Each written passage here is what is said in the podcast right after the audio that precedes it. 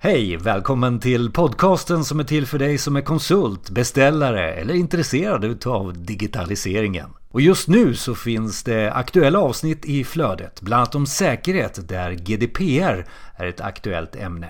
Du får också ledarskap inom digitaliseringen. Så följ oss där i flödet i effekten. Nu till ett intressant ämne som har stor betydelse för framtidens användare utav system och allting egentligen som handlar om digitaliseringen. Vi pratar gamification.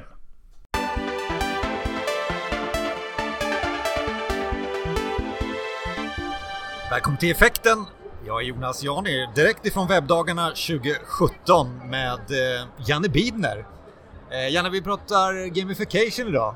Ja, det gör vi. Och vad är gamification för dig då? Gamification för mig, det är ju att ta de här mekanismerna från spel som gör att folk vill fortsätta att spela, vill engagera sig fastän det kan vara frustrerande och jobbigt och sånt där. Man tar dem från spelen och så applicerar man dem på andra sammanhang ute i verkligheten. Men, men alltså varför kallas det gamification? Kan det inte kallas någonting annat? Det skulle väl kunna det. Det skulle kunna kallas för UX också, men skillnaden med UX då, användarupplevelse, design och sånt, det är att man faktiskt använder speldesign-tänk när man gör det. Så, eh, och då handlar det ju om att man, att man funderar på användaren som en spelare i den kontexten som den befinner sig i. Man, man följer en användare och vad, vad, vad som triggar användaren utifrån ett spel? Spelsätt att se på det. Är det så jag ska Ja, tolka det här? så skulle ja. man kunna tänka sig. Ja. Eh, Det, det spinner ju också vidare på mycket så här beteendevetenskapliga teorier och mänskliga drivkrafter och så. Vad som får folk att, att vilja göra saker. Låter lite psykologi också. Ja, det är väldigt mycket psykologi. Vi har ju Skinner med hans, eh, de här lådorna med djur som, där man får djur att upprepa beteende genom att ge dem olika triggers och sånt. Så det är ju mycket manipulation. Men det som skiljer manipulation från, från gamification skulle jag säga, det är ju det här äh, det fria valet, den egna viljan. Och att man faktiskt väljer att göra saker på ett lite roligare eller mer meningsfullt sätt än, än annars.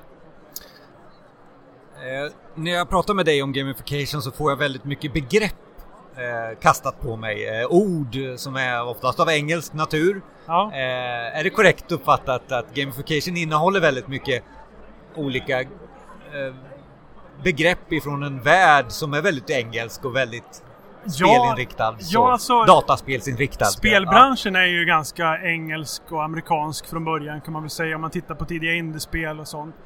Men sen så har ju psykologin många begrepp som inte heller är, är översatta eller som är översatta på väldigt många olika sätt. Och det är ett ganska nytt fält liksom som definition. Jag har ju bara ett decennium ungefär på nacken. Men eh, ja, det kan nog stämma. Och, i vilka sammanhang använder jag gamification? Eh, vi pratade lite inledningsvis här om användaren. Eh, det är väl mer ett ord som man förstår, liksom använder, vi följer användaren. Eh, UX finns det också ett uttryck eh, som är väldigt, user experience, som är väldigt eh, populärt just nu. Ja. Kommer det in, eh, gamification, kommer det in där i det här sammanhanget? Ja, det kan man lugnt säga. Man kan säga att gamification är som ett verktyg i UX-lådan. UX-verktygslådan skulle jag säga.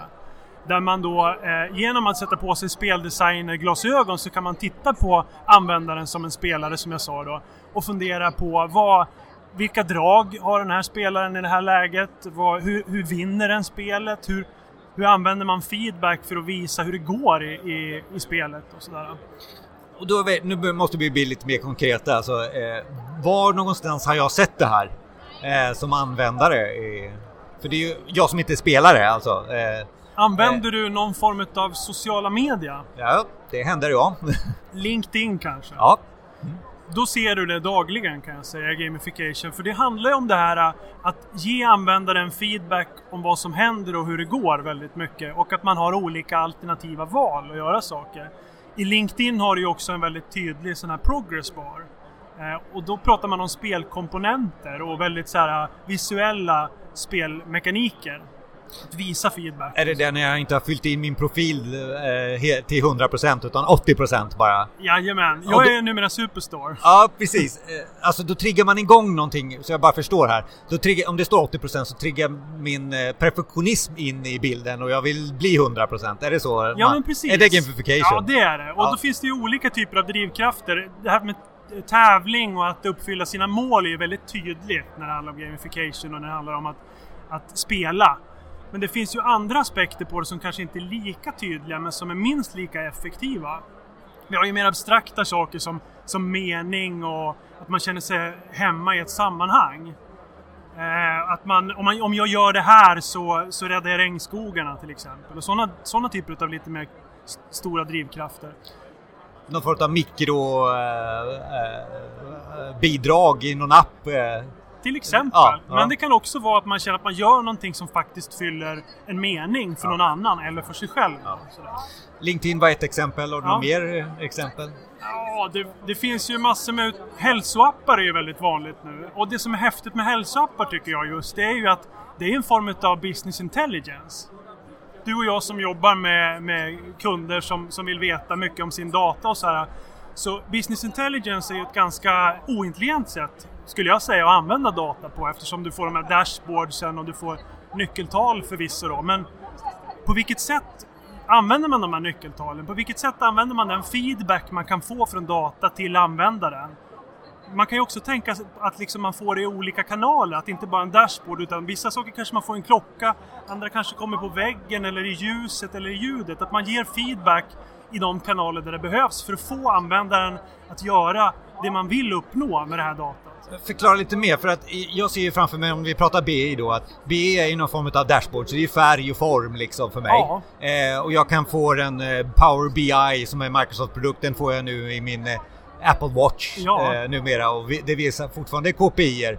Var någonstans är gamification i det här menar du? Eh, Jag menar att det blir gamification när man använder den där datan lite mer spetsigt. Om jag vet att användaren går igång på att eh, försäljningssiffrorna är höga. Då är det försäljningssiffrorna jag ska använda mot just den här personen i den här kanalen vid det här tillfället. Så det är ju väldigt, väldigt mycket UX skulle jag säga. Så att i det här fallet så skulle jag kunna leka med försäljningschefens eh, eh, Klocka. klocka. Ja, för att det attraherar nog säkert försäljningschefen Ja. eh, i färg och form. Eh, kanske ett trafiklyse i, i klockan för honom. Eh, det, det kan vara ett exempel. Det skulle man kunna säga, men det handlar ju också om att förstå, förstå målgruppen, vad som driver dem. Vad är de för, för spelartyper pratar man också om. Är det, är det så att jag är väldigt driven av prestation? Är jag driven av variation till exempel? Är jag driven av att inte förlora? Att jag tävlar mot andra så? Eller är jag driven av att vara bäst till exempel?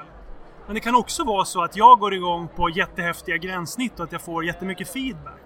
Så det finns ju alla möjliga paletter utav drivkrafter som man kan jobba med på väldigt många olika sätt. Och det här tycker jag är fascinerande. Hur designar man någonting så att det blir mitt optimala spel? Finns det några mer exempel här på gamification? Ja, det, det finns ju ganska många exempel och, och de tydligaste branscherna som jobbar just nu med att försöka klura ut det med gamification tycker jag, eller som jag jobbar väldigt mycket med, är ju energibranschen. Eh, där man då tittar på hur man kan dels jobba med, med, med delningsekonomiska parametrar, att man skapar communityn med, med, med att, att man både producerar och konsumerar och man skapar någon form av strategispel runt det där. Då har man ju väldigt hängivna användare som har gjort ett insteg. Jag vet inte, du har säkert någon, någon elbolagsapp där du får in statistik och sånt där. Här tror jag man måste hitta något bra sätt att, att utnyttja det här som jag pratade om med, med business intelligence. Att man faktiskt ger lite coaching i det här. Att man får analysen och inte bara datat. Mm. Hur kan just du göra för att förändra ditt spel runt energi och din förbrukning och sånt där? För nu tittar man på de här staplarna och man blir ganska uttråkad. Det är ganska små möjligheter att påverka sin elförbrukning också. Man har tagit något analogt till digitalt bara och inte... Ja, man Ja. slänger ut datat. Eh, Jag vet att energibolagen själva är väldigt intresserade av användarnas data, men hur intresserad är du som användare av ditt data? Du kollar på det, men vad ska du göra? Hur, vad finns det för möjliga val? Vad finns det för drag du kan göra? Hur kan jag ändra min förbrukning? Hur kan jag spela spel? Hur kan jag bli bättre på att spela spelet? det där kräver ju också att man tänker lite nytt också. Eh, det handlar väl om att eh, digitalisera om, tänka digitalisering också i, i det här. Ja eh, visst. Ja. Och jag tänker också väldigt mycket på regler och mekanik när man designar också. Finns det regler i en verksamhet som man behöver väva in i det digitala? Kanske inte bara handlar om att förenkla och göra raka processer utan att faktiskt addera lite regler och lite begränsningar i någonting. Twitter är ett exempel på begränsningar som har blivit en, en gimmick nästan med 140 karaktärer eller text, tecken. Som från början var en begränsning i att det var sms-meddelanden men idag har det blivit någonting som är väldigt signifikant för Twitter och en, en utmaning i sig att formulera sig på 140 text. Ja, så utmaningen kan vara en begränsning vilket är gamification också ja. eh, och då kan du prestera eh, snyggt på, i en regel. Och, eh, och det är ju också ja. en regel för, för, för, kreativitet, att man skapar begränsningar för att kunna vara kreativ inom, inom det speciella området. Om man säger att gör vad du vill, så är det väldigt mycket mer eh, komplicerat än att, sätta igång den kreativa processen än när man får en sax och en krita och en tejprulle. Och kreativitet är en förutsättning för digitalisering? Ja. Det är mitt påstående, men... ja, ja. Håller med. Ja. Skriver under. Men om vi nu förstår oss på det här med gamification som en del utav använda användarcentrerad design ja. egentligen och UX är ju ett annat uttryck för det samma sak. Eh, jag förstår det här, eh, jag vill använda, applicera det här i min organisation, i min affärsidé eller få nytta utav det. Eh, var någonstans börjar jag? Du måste alltid ha med dig spelaren. Alltså det är ganska enkelt att tänka på spelaren just som, som slutanvändaren. Den som, som slår tärningen och går framåt. Vad händer på resan? Vi pratar om customer journey mapping och vi pratar om så behovskartläggning. Det har ni gjort förut i er podd och jag kan bara skriva under att det är så man måste börja. Man måste börja med att sätta sig i användaren, eller lägga sig i användarens perspektiv ja. om, det, mm. om det är en liggande användare. Ja. Eh, för att förstå utmaningarna. För jag menar att man kan ha en idé om vad man vill lösa för problem. Man kan göra antaganden om hur man löser problemen för de här äh, speciella användarna eller spelarna. Men man måste verifiera med riktiga användare. Man måste ha dem med i designprocessen, tror jag. Och när man har gjort det då? Sen är det alla de här engelska uttrycken på säga som finns ja, i gamification. Alltså, eh, action points och triggers och vad det allting det heter. Ja, triggers är ju, vad ska man säga, incitament för att få folk att agera, kan man säga. Om man ska översätta det då. Men det är ju snabbt att bara använda de engelska uttrycken också. Sen är det ju egentligen bara sunt förnuft skulle jag säga. Att man funderar på vad, vad är det jag vill ska hända då? Effekterna och sådana saker. Vad är, och hur tror jag att det kommer att hända och vem är det som får det att hända och vad är deras behov då i det här? Samtidigt så är det ju så här, det här är ju ganska nytt. Du sa att gamification 10 år ungefär. Eh, eh, vi har en ny generation som kommer in i ja. det här. Eh, en generation av spelare. Ja. Eh, och för att låna det här uttrycket action points då, så, så eh, de som har spelat, de kan besluta 140 action points, alltså 140 små beslut mm. under en minut. Jag ja. tror det var nå någonting, runt 100. Eh, och så kommer de ut i arbetslivet och de får fyra per minut. Ja. Eh, det i sig är en utmaning ja. Eh, för arbetsgivaren inom vilken förändring som helst eh, när det kommer till det här. Och då är kanske gamification ett, ett sätt att få ny arbetskraft helt enkelt. Ja men det tror jag absolut, att man måste designa saker som en speldesigner. Det, det tror jag vi kommer att hamna i. Jag ser ju på, på skolan och de behov som vi utbildar för. Att det, dels måste man så, alltså använda sig utav eh, programmering, att det blir en del utav det man lär sig. Men design kommer vara minst lika viktigt tror jag. Speldesigners och programmerare tror jag är framtidens yrken. Och då menar jag inte bara liksom att designa spel och data utan att man designar verkligheten som, som att det var ett spel.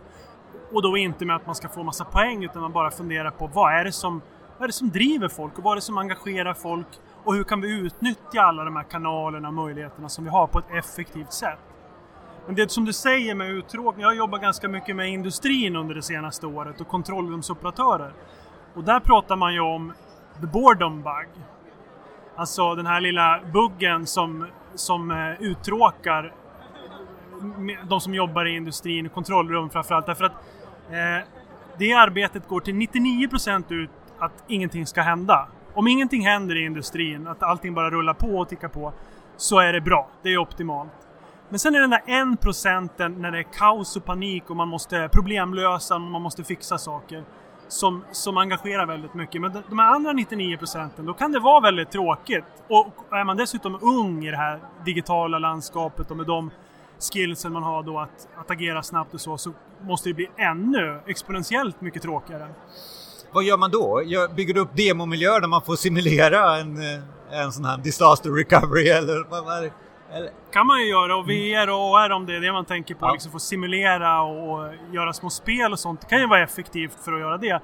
Men det handlar ju också om, tycker jag, att titta på kärnaktiviteterna. Vad är det man gör för handlingar det här 99% av tiden? Vad är, vad är aktiviteterna? Vi gjorde i ett eh, projekt som jag jobbar med, med Findit och med eh, Stora Enso och Sandvik så gjorde vi Slutprodukten blev ett spel runt just där provtagning. Sample taking. Som var en ganska tråkig rutinuppgift som nästan ingen ville göra. Gå ner på golvet och gå runt och titta på mätaren och sånt där. Gjorde vi ett spel utav för att Dels för att höja kunskapen runt det här, liksom att man kunde man kunde eh, satsa på de här eh, värdena, hur de skulle förändras.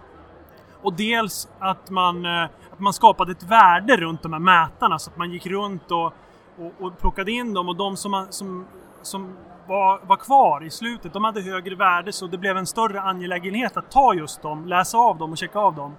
Eh, men inte för länge, för då kom nästa skift lag och tog dem. Fast nu tänker jag, nu tog du upp en traditionell eh, äh, äh, verksamhet skulle oh, jag säga. Förlåt, Nej, men nej, det, det, var inte så. Utan den traditionella verksamheten har också traditionella ledare skulle jag vilja ja. påstå.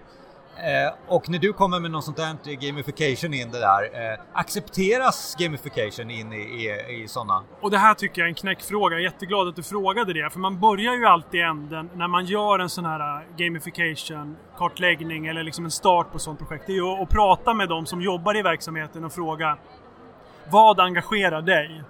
Vad med ditt jobb är engagerande? Vad är tråkigt? När känner du att du gör någonting bra på jobbet? Hur ger du feedback till andra? Hur får du feedback? För att utforska kontexten. För allting i gamification skulle jag vilja säga, det faller tillbaka på den inre motivationens grundpelare. Och då pratar vi psykologi på, på hög nivå. Eh, med autonomy, mastery och purpose. Och, och du, du kanske är bekant med, med Desi Ryan som har skrivit Self-Determination Theory. Där man pratar om eh, Autonomy då, det är ju det här förmågan eller möjligheten att kunna påverka sin egen verklighet. Att kunna välja hur man vill jobba och vilka verktyg man vill använda, när man vill jobba och så vidare. Autonomy. Mastery. Att man kan bli bättre på det man håller på med och utvecklas. Eh, och purpose, att det, finns, eh, att det finns en mening och ett mål med det man gör. Man brukar också lägga till relatedness, att man känner en samhörighet eller en tillhörighet med, med kontexten och, och miljön och med människorna som jobbar där. Och det är, här, det är här man tar reda på. Och det är dit man vill genom alla de här triggersarna som jag pratade om. De här incitamenten för att göra saker. Spelmekaniker på olika sätt. Man vill få folk att göra det här så mycket så att man upptäcker den inre motivationen i det. Till exempel att man lär sig saker och blir bättre på någonting. Att man får progressen. Det är ju kul och det är ju roligt med feedback. Men, men när man väl känner att man blir bättre. När man känner den här långsiktiga effekten utav spelet så att säga det är då det börjar hända grejer. Och det är dit man vill.